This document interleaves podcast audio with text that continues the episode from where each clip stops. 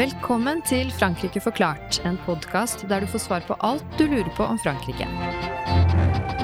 Mitt navn er Kjersti Naukrust, og dagens spesialepisode er et opptak fra et arrangement på Litteraturhuset i Oslo 23. august 2019. Temaet der var 'Hvorfor satse på Frankrike? Nytten og gleden av å kunne fransk'. Der hadde Frankrike forklart invitert Torbjørn Røe Isaksen, tidligere næringsminister og kunnskapsminister, nåværende arbeids- og sosialminister. Hege Mo Eriksen, utenriksjournalist og programleder for Urix på NRK.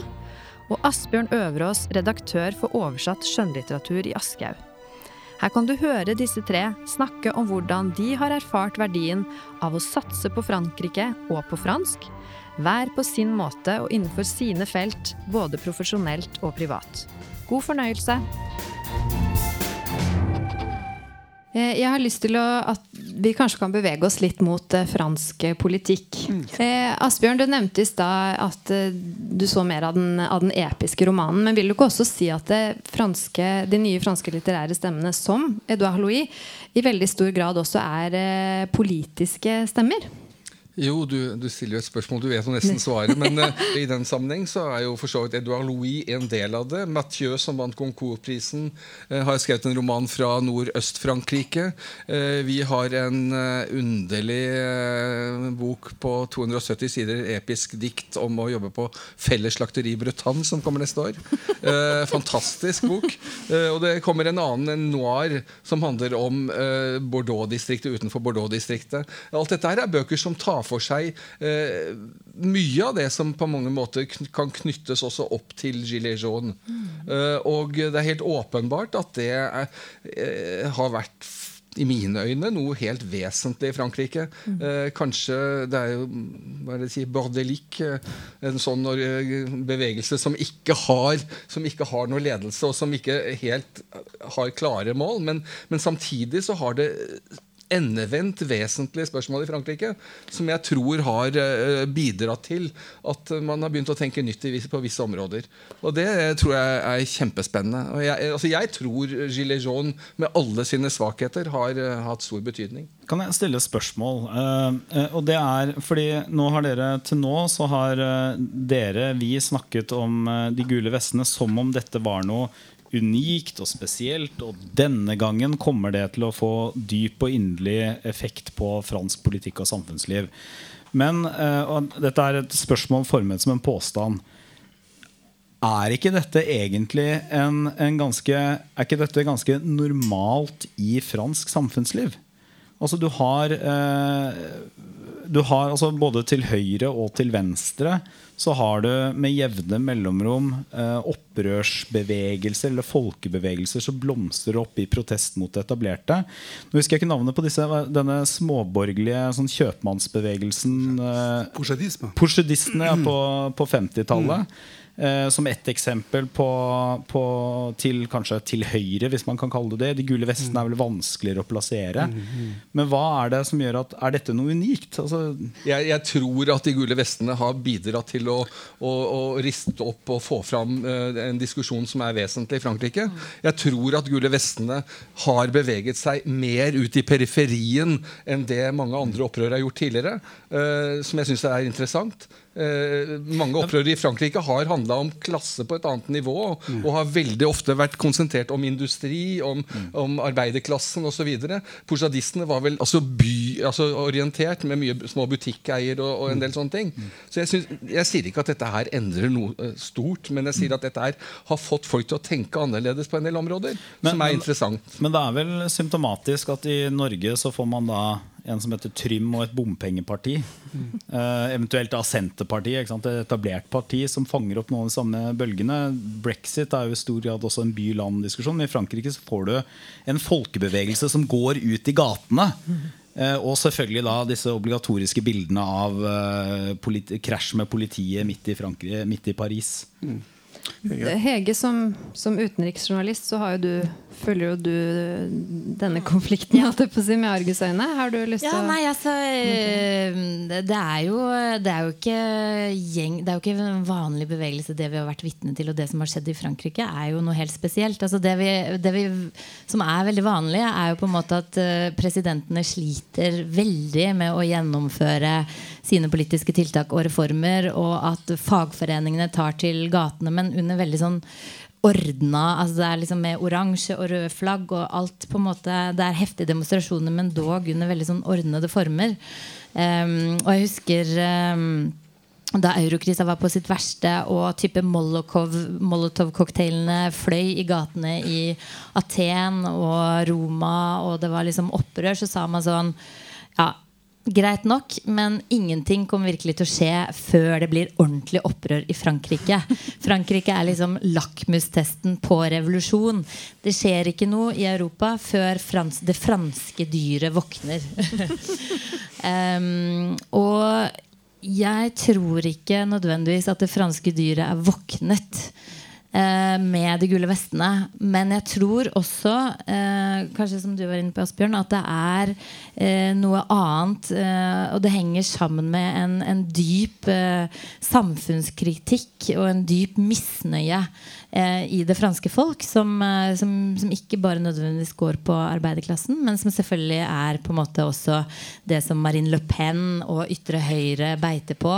Eh, som kanskje også til dels på en måte eh, har, har, ført til at hele det politiske landskapet i Frankrike er totalt snudd på hodet. Er eh, blitt helt endret. Eh, det som egentlig har skjedd i Frankrike, er jo veldig spesielt på den politiske scenen. Mm. For de to liksom, statsbærende partiene, tilsvarende Høyre og Arbeiderpartiet, ligger nå liksom og råtner på rot.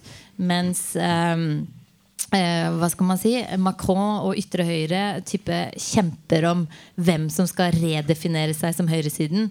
Eh, og venstresiden Gudene veit hva som skjer der. Det er litt sånn, Men, kanskje er det De grønne som, som, tar over den. på en måte Nettopp for, for å bygge på det. Eh, bare en sånn liten ting en passant. Det, eh, på det verste hadde disse demonstrasjonsbevegelsene 300 000 stykker.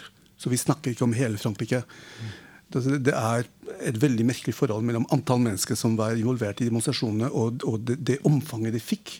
Og så skal vi ikke glemme at Dette er også et barn av sosiale medier. Det er en paralleller parallell mellom den arabiske våren og det som skjedde med de gule vestene, som er litt interessant. Men det temaet her, valget i 2017 øh, hvilke, hvilke, hvilke, spørsmål, hvilke politiske debatter øh, har betydning for, for, for, Norge, for den norske debatten. For samfunnsdebatten i Norge. fordi Vi snakket litt om, om de gule vestene, og så snakker vi litt om, om presidentvalget. Ifølge dere, Hvilke temaer, hvilke spørsmål har betydning og interessert norsk publikum? Det er jo helt tydelig at eh, dette med de gule vestene har virkelig engasjert oss nordmenn. Man skjønner på en måte at det er eh, eh viktige ting som er i gjerdet. Um, og ellers så tror jeg jo altså, det som jeg tenker er at på, på, mange måter så Det er jo det som skjer i Frankrike, ser vi også i mange andre land. Eh, det er eh, store omveltninger på gang. Jeg føler veldig ofte at vi kommer til kort som journalister. Jeg føler at uh, vi sitter her på berget. Det er en følelse jeg har hatt veldig mange år. egentlig At vi sitter her på berget, uh, liksom har det ganske bra. Um, og er veldig opptatt av USA, um, Storbritannia. Men at vi på en måte kanskje ikke er så tett på eh, vår europeiske bakgård, holdt jeg på å si. Eller altså våre europeiske naboer som det vi burde være.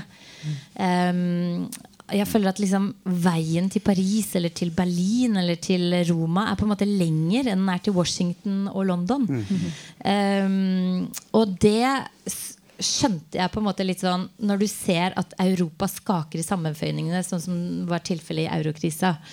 Eh, så skjønner man på en måte at det, det som skjer, de omveltningene som man går igjennom, radikale, grunnleggende omveltninger som man går gjennom eh, ute på kontinentet, det vil jo påvirke oss. Mm.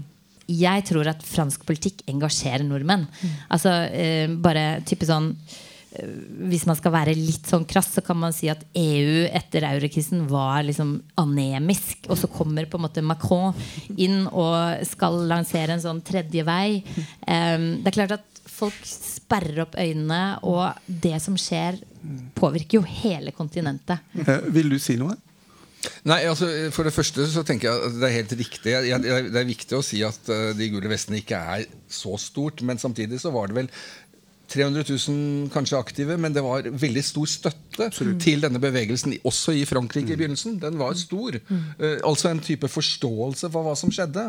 Og det tror jeg er viktig. Uh, en annen ting ved det som politisk bevegelse, det er at jeg tenker at det er meningsløst å sammenligne med 68. Men det det har til felles, på en måte er at de overkjører de øh, fagforeningene. At det, på en måte de går helt, og det, det er kanskje enda sterkere i, med de gule vestene enn i 68. Men hvor, hvor, hvor liksom fagforeninger og kommunistpartiet kommer løpende etter øh, at opprøret har startet. Uh, men nei, i forhold til valget og i forhold til Frankrike så tenker jeg at det er Arbeiderpartiet som har mest å lære av Frankrike og av valget i USA. Det er at faktisk sosialistpartiet ligger nede på altså for telling. Og at hvis de ikke forholder seg til sine velgere på en annen måte, på mange måter sånn som sosialistpartiet har gjort, så ender de der sosialistpartiet har endt. Jeg tenker, jeg tenker på at Du kan, sine, kan til og med bygge på det. Macrons, Macrons valgkamp var jo handlet om kampen mellom populister og, og, og, og progressivister er det, er, det ikke, er det, ikke, der de er nå, på en måte? Ja. I økende grad, hvis man ser på hva som skjedde i Italia sist. Eh, Ytterste venstre er også populister nå. Altså, ja. François Soumise kaller seg populister også. Mm. Men, uh, Populisme i Europa er jo så mangt. Da. Du kan si at Den franske populismen til Marine Le Pen er noe helt annet på mange måter enn den du ser til f.eks. i Polen eller Ungarn eller til dels også i Italia. Men, men det er veldig jeg, altså, jeg bare har sånne uh, minner Eh, fra du, du, du, drar til f.eks. Nord-Frankrike. Og så ser du på en måte denne gamle industrinasjonen. Du kan se liksom de rustne eh, liksom, stålverkene stå liksom som sånne spøkelsesbygg. ikke sant? Eh, og, altså, de står som sånne monumenter over en svunnen tid. Og så har du en sånn søvnig liten by rundt, hvor du vet at kanskje arbeidsløsheten er oppe i tidvis liksom 18-19 noen steder uh, i nord og i sør. Um, og hvor folk bare er eh, kjempelei og så misfornøyd. Og, og, hvor du vet liksom at store deler av industrien har flytta til Afrika eller Afrika, uh, Asia. Uh, og den kommer de ikke til å få tilbake. Um, Sånn det er klart at eh, Misnøyen har vært enorm. Og midt i for i Nord-Frankrike, i dette riket, så troner jo da Marine Le Pen eh, dronningen av ytre høyre, som vi pleier å si litt flåste. Eh, og jeg, eh, jeg, intervjuet henne en gang. Hun er vanvittig fascinerende. Hun er, eh, altså, jeg snakket med en statsviter, en fransk statsviter. Jeg spurte hva er liksom hennes styrke. Da svarte han i fullt alvor altså det skader ikke at hun er blond. Eh, det har faktisk noe å si i Frankrike. Uh, og, og, jeg, og, eh, hun er en sånn kraftfull uh, Kraftfull dame. Um, og jeg intervjuet henne uh, og var med henne på valgmøter rundt omkring. Og liksom den, det, folk er så engasjerte og ofte sinte.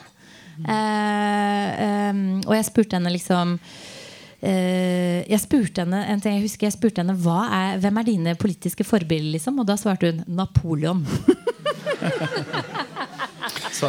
Men, sier ikke alle det? Unnskyld. Ja, men, men uh, det er jo både noe som er generelt, eller som peker på en større trend, og så er det noe som er partikulært. Altså det som er generelt, det er jo at i alle eh, særlig vesteuropeiske land, og andre konflikter i de landene som før var bak jernteppet, så ser man at de eh, post andre verdenskrig store sentrum-høyre-sentrum-venstre-partiene forvitrer. Det er nye konfliktlinjer som eh, dukker opp. Eller dukker opp, de har dukket opp de siste 20 årene. Eh, innvandring, kultur er det ene. Eh, miljø enda tydeligere som det andre. Men så er det noe som er også helt bestemt for Frankrike. Og det, jeg mener at det er, det er viktig å ikke misse det helt av syne, som er veldig annerledes ja, altså Italia har liksom sitt, e, sin egen ustabilitet. Men hvis du ser på de andre stormaktene i Europa, Storbritannia og Tyskland etter andre verdenskrig, så er det altså da, da de Gaulle ble president eh, i 57-58, mm. eh, så, så er jo det i praksis et statskupp. Eh, I 1968, selv om eh, da studentene er ute i gatene, og så slutter studentene seg til fagforeningen, eller fagforeningen slutter seg til studentene, så er de Gaulle borte i to-tre dager. Han reiser til Tyskland for å forsikre seg om at den franske hæren i Tyskland vil stå bak ham, fordi han frykter at hele regimet skal falle. Og dette er jo da et, et land som, som har en en innebygget historisk opprørstradisjon sånn det ser ut for meg som en, som en lekmann. Og det gjør nok Frankrike annerledes enn et land som Storbritannia eller Tyskland. Tyskland er jo pga. sin historie selvfølgelig eksepsjonelt risikoaverst. Eh, og eksepsjonelt lite opprørsk. I Storbritannia så kommer jo Thatcher kommer inn på 80-tallet og på en måte endevender hele postkrigskonsensusen veldig vanskelig å se for seg at noe sånt skulle, ha, skulle skje i Frankrike. Mm. Og selv når man forsøkte å gjøre det, se på Mitterrand på 80-tallet, som forsøkte å gjøre om ikke endevende, så i hvert fall ta en skarp venstrevri, så går man tilbake. ikke sant? Mm. Og det Macron, Alle som tenkte at nå kommer Macron, han skal redde den liberale verdensorden og, og bli den store liberale, progressive røst. Og så ender han ikke litt i de samme problemene som alle franske presidenter gjør. da. Mm. Hva syns du om Macron, da, Torbjørn? Jeg liker Macron, jeg. Ja. Mm. På, på, på, på, mange måter. Men jeg mener nok også at han er Han er jo eh, arketyp Altså Den tredje vei. Ja vel. Eh, altså eh, Macron har alle kjennetegnene på en klassisk 90-talls eh, sentrumsliberaler. Mm. Altså Macron er, er Tony Blair. Mm.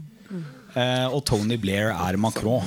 Eh, og det, er, eh, det, betyr at han er økonomisk liberal, han tror på en liberal verdensorden. Han tror på mer overnasjonalitet. Eh, alle disse tingene. Eh, så, så, Macron er, representerer jo ikke noe nytt på den måten, men han representerer noe definitivt nytt i fransk politikk. Det gjør han jo. Eller du, nytt, han, partiet representerer nytt. Men tror du at uh, det at Macron er Tony Blair, tror du at det er årsaken til at ditt søsterparti Le Républicain ligger nede for telling og bare fikk 8% ved EU-valget? Eh, ja, det, altså delvis. Men eh, republikanerne, eh, eller ja, Gaullistpartiet egentlig i mm. Frankrike, har dype problemer. Og det skyldes nok eh, mye Macron, som også henter mange liberale, kanskje særlig urbane, utdannede eh, velgere fra høyresiden. Og skvisen da også fra en mer tradisjonalistisk og, og delvis konservativ høyreside, som Le Pen representerer. Du har nettopp hørt andre og siste del av en liveinnspilt podkast fra Litteraturhuset i Oslo i august 2019.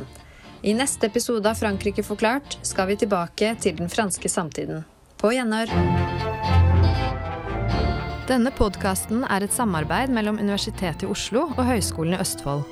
Abonner på Frankrike forklart på iTunes, Spotify eller på andre plattformer der du lytter til podkast. Har du kommentarer til oss eller forslag til temaer vi bør ta opp, kan du sende inn det via vår Facebook-side Frankrike forklart. Her vil du også finne informasjon om dagens episode.